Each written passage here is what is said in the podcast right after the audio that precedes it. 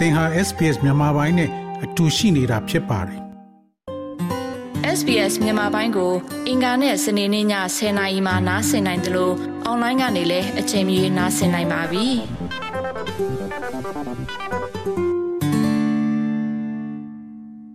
အစ္စလမ်ဘာသာတွေရဲ့အထွတ်မြတ်ထားရာပွဲတော်အင်းနေ အဲ့ဒီနေ့မှာအစ္စလမ်ဘာသာဝင်တဦးဖြစ်တဲ့ဦးထွန်းကြည်ကသူနဲ့ယင်းနှီးကျွမ်းဝင်တဲ့ဘာသာပေါင်းစုံကတန်ဃာတော်တွေနဲ့လူပုဂ္ဂိုလ်တွေကိုဖိတ်ခေါ်ခဲ့ပါတယ်။ပုံမှန်အားဖြင့်အစ္စလမ်ဘာသာဝင်တွေနဲ့သာသက်ဆိုင်တယ်ဆိုပေမဲ့ဗုဒ္ဓဘာသာဝင်ဆရာတော်တွေဟိန္ဒူနဲ့ခရစ်ယာန်ဘာသာဝင်တွေဟာဝမ်းမြောက်စွာဖိတ်ခေါ်မှုနဲ့အတူအင်းနေမှာပါဝင်ခဲ့ကြပါတယ်။ ဘာသာမတူ လူမျိုးမတူ ခွဲခြားမှုစိတ်တွေဘေးဖယ်ပြီး အစ္စလာမ်ဘာသာဝင်တွေဟာ ဆရာတော်တွေကို စွန့်ကပ်နေကြသလို ခရစ်ယာန်ဘာသာဝင်တွေဟာလည်း သူတို့ရဲ့ ဥပုသ်တော်နေ့မှာ ဘုရားကျောင်းတက်ပြီး အပြန် အစ်နေကို လာရောက် ဂုဏ်ပြုပေးခဲ့ကြပါတယ်။အာဏာရှင်အဆက်ဆက် လူမျိုးရေး ဘာသာရေးကို စစ်လက်နက်အဖြစ်အသုံးပြုပြီး ပြည်တွင်းစစ်ကို ကာလကြာရှည် ဖန်တီးခဲ့ကြပေမယ့် ဒီအချိန်မှာတော့ ဘာသာပေါင်းစုံ ညီညွတ်မှုဟာ အရေးကြီးလာပြီဆိုတာကို ဘာသာဝင်အသီးသီးက ယုံကြည်ထားကြတာပါ။ ဘာသာပေါင်းစုံကိုဖိတ်ခေါ်ပြီးအစ်နှစ်ကိုဆင်နွှဲခဲ့တဲ့ဥထွန်းကြည်ရဲ့ခန်းစားချက်ကတော့သူကုရဘာနီအစ်သစ္စာတရားအတွက်ဆွလွတ်ချင်းတည်တာကုရဘာနီဖြစ်တယ်တဲ့ဘာသာပေါင်းစုံကတို့တိုင်းပြည်အတွက်အလွန်တရာမှအရေးကြီးတယ်နောက်ကစုံလင်ကွဲပြားမှုသည်တို့တိုင်းပြည်အတွက်အင်အားဖြစ်တယ်အလားတရားဖြစ်တယ်အဲ့ဒီအတွက်ကြောင့်မလို့စုံလင်ကွဲပြားနေပါစေအတိမတ်ပြုရမယ်လက်ခံရမယ်အဲ့ဒါမှသာလျှင် စစ်မှန်တဲ့ဖက်ဒရယ်ဒီမိုကရေစီပြည်ထောင်စုကိုတို့ကတိဆောက်လို့ရမှာဒီအစွန်းရောက်ချမ်းပဲစစ်တပ်ကနေပြီးတော့လူမျိုးပေါင်းစုံဘာသာပေါင်းစုံကြားမှာအမျိုးမျိုးအဖုံဖုံဝါဒမိုင်းလူမျိုးအဲဒီဘာသာရေးမိုင်းနော်လူမျိုးရေးမိုင်းအဲ့ဒါတွေရိုက်ထည့်ထားတဲ့ဂျင်းအကြီးစားတွေပေါ့အဲ့ဒါတွေကိုတို့ຫນွေဦးတော်လိုင်းရေးကနေပြီးတော့ရှင်းလင်းဖြတ်သိမ်းမယ်ဆိုတဲ့ရည်ရွယ်ချက်နဲ့ဒီဘာသာပေါင်းစုံပွဲတွေကိုလုပ်နေတာပေါ့နော်အစ္စလာမ်ဘာသာဝင်စုပေါင်းပြီးတော့ဆရာတော်တွေကိုနေစွန်းကတ်တယ် နောက်တစ်ခါကြွရောက်လာတဲ့လူမျိုးပေါင်းစုံဘာသာပေါင်းစုံနိုင်ငံကြီးကခလုံလာတဲ့သူတွေအားလုံးကိုအဲဒီမှာအလူဒါနအဖြစ်ဖိတ်ခေါ်ပြီးတော့လူဒါနဲ့အစီအစဉ်လေးလုပ်ဖြစ်ပါတယ်ဆိုတဲ့သတင်းစကားပါကြပါတယ်2014တကောင်စီရင်ထဲမှာတော့မြန်မာပြည်သူ51တန်းကျော်ထဲမှာဗုဒ္ဓဘာသာဝင်ကိုးကွယ်သူ89.9ရာခိုင်နှုန်းခရစ်ယာန်ကိုးကွယ်သူ6.3ရာခိုင်နှုန်း အစ္စလမ်ဘာသာကိုးကွယ်သူ2.3ရာခိုင်နှုန်းနဲ့ဟိန္ဒူဘာသာဝင်3.5ရာခိုင်နှုန်းရှိနေတာပါဗုဒ္ဓဘာသာအများဆုံးကိုးကွယ်တဲ့နိုင်ငံဖြစ်တာနဲ့အညီအာဏာရှင်တွေရဲ့အမျိုးဘာသာသာသနာစောင့်ရှောက်ရေးဆိုတဲ့ဆောင်ပုဒ်နဲ့အတူစစ်တပ်ဟာဗုဒ္ဓဘာသာဝင်တွေကိုအကြောင်းပြအာဏာတည်မြဲဖို့ခေတ်အဆက်ဆက်စ조사ခဲ့ကြတယ်လို့သုံးသပ်မှုတွေလည်းရှိခဲ့ပါတယ်။ ဒါပေမဲ့ဒီအခြေအနေတွေဟာစစ်တပ်နဲ့ပတ်သက်တဲ့လူတစုရဲ့အာဏာတည်မြဲရေးကြိုးပမ်းမှုအတွက်သာအဓိကကျတဲ့တော့ချက်တစ်ခုဖြစ်ခဲ့တယ်ဆိုတာကိုအခုတော်လှန်ရေးကာလအတွင်းဘာသာဝင်အသီးသီးကအတိမတ်ပြုလာကြပါတယ်။ဒါကြောင့်စစ်တပ်ကိုဗုဒ္ဓဘာသာဝင်တွေနဲ့တွဲမမြင်တာဗမာလူမျိုးနဲ့တွဲမမြင်တာစတဲ့အကောင့်ဘက်ကိုဦးတည်လာတဲ့အရွေကိုကူပြောင်းလာတယ်လို့လဲဆိုနိုင်ပါတယ်။ ဘာသာပေါင်းစုံကပြည်သူတွေဟာစစ်အာဏာရှင်ကိုဒန်းတူရင်ဆိုင်တော်လှန်နေကြပြီးဖက်ဒရယ်စနစ်ရရှိဖို့အတူတူကြိုးပမ်းနေချိန်မှာပေါင်းစည်းညီညွတ်ရေးဟာခိုင်မာတဲ့အလင်းနဲ့အသွင်ဖြစ်လာတယ်လို့ဆရာတော်မင်းတုံညာကမိန်ပါတယ်။ဘာတော်တို့ညီညွတ်ရေးဟာနားလည်မှုမရှိဘဲနဲ့တိဆောက်လို့မရဘူး။ဒါကြောင့်မလို့ဒီမိုကရေစီလုပ်ရင်ဘာလို့ရလဲဆိုပြည်သူကိုပညာပေးများစွာလုပ်ရတယ်။အဲ့ဒီတင် जा မှုထဲမှာဘာသာချင်းချင်းကြားထဲမှာလေးစားမှုတွေနားလည်မှုတွေအဓိကလိုအပ်တယ်။ဒါတွေနားမလည်ဘဲနဲ့ဒီမိုကရေစီဆိုတာတိဆောက်လို့မရဘူး။ပြည့်စုံအာဏာရှင်စနစ်မှာလေးစားစရာမလိုဘူး အုပ်ချုပ်တဲ့လူရဲ့အမိန့်ကိုနာခံဖို့ပဲဒီမိုကရေစီမှာအဲ့လိုမျိုးမဟုတ်ဘူးလေအုပ်ချုပ်ပေမဲ့အုပ်ချုပ်တဲ့လူကဘု து ကြည့်ရပြည်သူကိုကြည့်ရတယ်အပရာပေါင်းတုံတွေကလည်းအေးဟုတ်တယ်ဟာငါတို့ကတစ်ချိန်လုံးကဒီလိုမျိုးတယောက်နဲ့တယောက်မသိကြတော့အမုန်းတရားတွေနဲ့နှောင်ဖွဲ့ခြင်းခံထားကြရတယ်အခုဟေးဆိုရင်ဩငါတို့ကောင်းဆောင်တွေတောင်ညီညွတ်ပြီးတော့အားလုံးငါတို့ကိုဆွေးနွေးပြနေတာဟေးဆိုပြီးတော့အတန်ဒီအများကြီးပြန်ကြားလာရတယ်အမောင်ချထားပြီးတော့ရိုက်ချင်တိုင်းရိုက်ခံထားကြရတဲ့ဂျားထဲမှာဒါတွေကအလင်းတန်းနေဖြစ်လာဒါတွေကညီညွတ်ဖို့အတွက် နော်ဦးဇင်းတို့စုံမက်တွေဖြစ်လာဒီအတွက်ဦးဇင်းတို့ကအများကြီးဝမ်းသာပါတယ်အာနာသိန်းနှစ်နှစ်ကျော်ကာလအတွင်းတန်ဃာတော်နဲ့ခရစ်ယာန်ဘာသာရေးဆရာ23ဦးစစ်တပ်ရဲ့တပ်ဖြတ်ခြင်းခံခဲ့ရပြီး130ကျော်ကခြောက်တွင်းအကျဉ်းချခံထားရတယ်လို့နိုင်ငံရေးအကျဉ်းသားများကူညီဆောင်ရှောက်ရေးအသင်း AAPP စီရင်အရာသိရပါတယ်။ အပြည်ပြည်ဆိုင်ရာတရားရုံး ICJ ရဲ့ထုတ်ပြန်ချက်မှာတော့အာနာသိန်းစာကနေ2022ခုနှစ်အတွင်းကချင်၊ကရင်၊ချင်းကယားမွန်ရှမ်းအပါအဝင်ပဲခူးမကွေစကိုင်းတနင်္သာရီရန်ကုန်တို့မှာဘာသာရေးနဲ့ပတ်သက်ပြီးအထွတ်မြတ်ထားရာနေရာ62ခုပျက်စီးခဲ့တယ်လို့ထုတ်ပြန်ပါတယ် ခရိယန်ဘာသာဝင် အများဆုံးကိုးကွယ်ကြတဲ့ ချင်းပြည်နယ်အပါအဝင် တနိုင်ငံလုံးက ခရိယန်ဘာသာရေး အဆောက်အုံ55လုံး ဗုဒ္ဓဘာသာ သာသနာရေး အဆောက်အုံ32လုံးနဲ့ အစ္စလမ်ဘာသာရေး နေရာ5ခုကို စစ်ကောင်စီက ဖျက်ဆီးခဲ့တာပါ အဲ့ဒီပျက်စီးမှုတွေထဲမှာစကိုင်းတိုင်း ရေဦးမြို့က128နှစ် သက်တမ်းရှိတဲ့တမိုင်းဝင် ခရီးယန်ဖရားကျောင်းလည်း ပါဝင်ခဲ့ပါတယ်။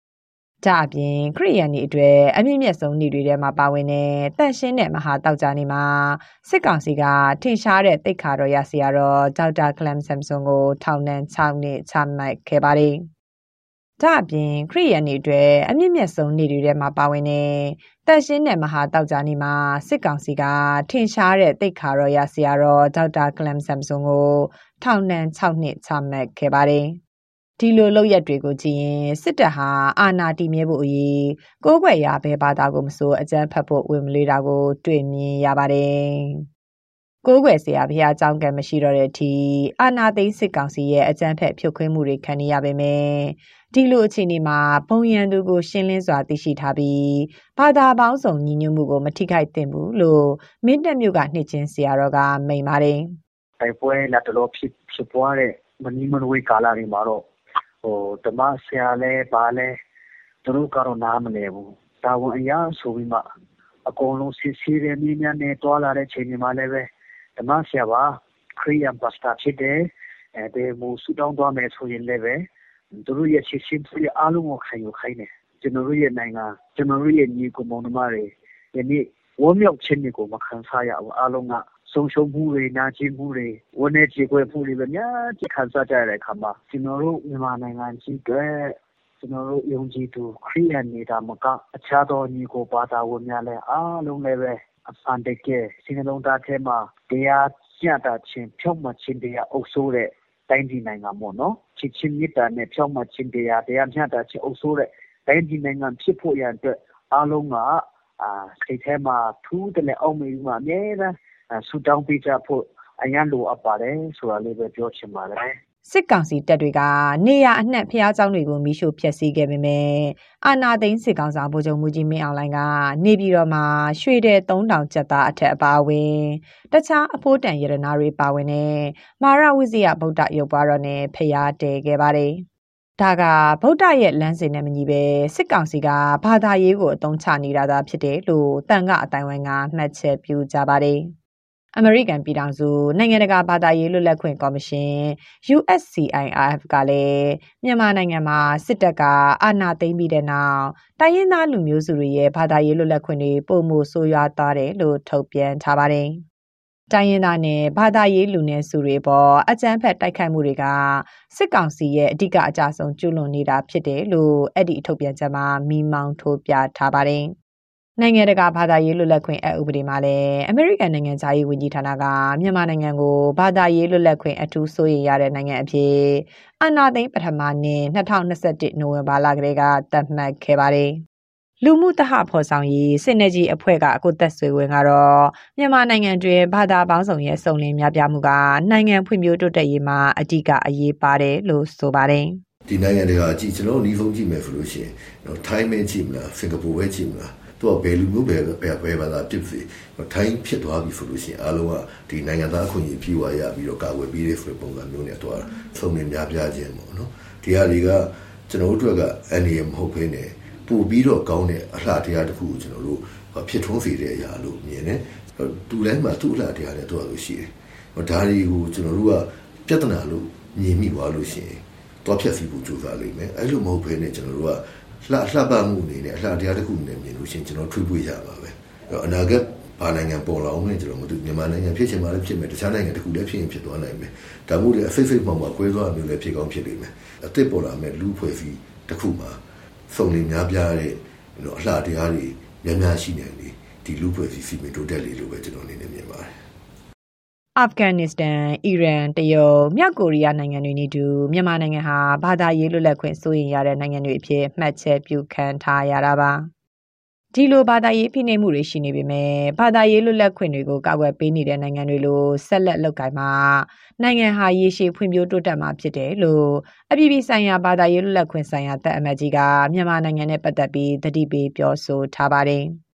ဘာသာရေးပေါင်းစုံခေါင်းဆောင်အသီးသီးကတော့ Federal စနစ်ကိုစောင့်ဆိုင်နေတဲ့ဒီလိုကြားကာလအချိန်မှာအာဏာရှင်လက်အောက်ကမလွန်မြောက်သေးပေမဲ့ပြည်သူတွေဟာဘာသာပေါင်းစုံကိုနားလည်မှုတံမိုးထားမှုတွေနဲ့အတိအမှတ်ပြုလာကြတယ်လို့မှတ်ချက်ပြုကြပါတယ်။ဒီလိုအခြေအနေတွေဟာလူနည်းစုအဖြစ်နှစ်ရှည်လာများဖိနှိပ်ခံရတဲ့ဘာသာဝင်တွေအတွက်ကြည်နူးရတဲ့အခိုက်အတန့်ဖြစ်တယ်လို့ဆိုလာသူကဦးထွန်းကြည်ပါတခြားလူမျိုးတခြား ဘာသာဘာသာတွေတဲ့ဦးထွန်းကြည်တို့အစ္စလာမ်ဘာသာမွတ်စလင်တွေကသူများကိုတစ်ချက်ရင်ဦးထွန်းကြည်တို့ဆယ်ချုပ်လောက်ရိုက်ရိုက်တာကျွန်တော်2019မှာဒါတွေဖြစ်တယ်အဲ့ဒီမှာနေ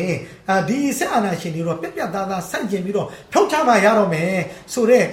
ဒီဒီဒီခံယူချက်တွေပေါ့အတွေးခေါ်တွေကပို့ခိုင်းမှလာလွတ်လပ်စွာယုံကြည်ကိုးကွယ်ခွင့်ဟာလူသားတိုင်းအတွက်မွေးရာပါအခွင့်အရေးပါ အာနာရှင်စနစ်အားခေတ်ဆက်ဆက်ရှင်သန်နေထိုင်ခဲ့ရတဲ့မြန်မာပြည်သူတွေအတွက်တော့ဒီလိုအခွင့်အရေးတွေကိုနှစ်ရှည်တောင်းဆိုနေခဲ့ရပါတယ်။အခုလက်ရှိနေဦးတော်လိုင်းရင်မှာတော့ပြည်သူအများစုဟာစစ်ကောင်စီရဲ့ကြော်ကွင်းနဲ့မသက်ဆင်ပဲဘာသာပေါင်းစုံညီညွတ်ရေးနဲ့အတူသွေးမကွဲဖို့စီးလုံးဖို့ကိုသာဥတီလျှောက်လန်းနေကြတာပါ။ဒီသတင်းဆောင်မကိုတန်လင်ခက်ကပေးပို့ထားတာဖြစ်ပါတယ်။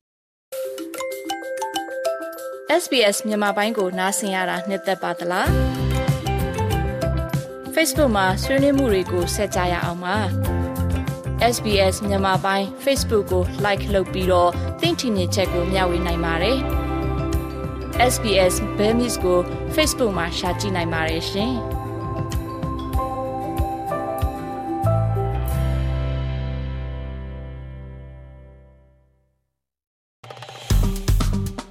SPS မြန်မာပိုင်းကို Facebook ပေါ်မှာ like ရှာပြီး like မျှဝေမှတ်ချက်ပေးပါ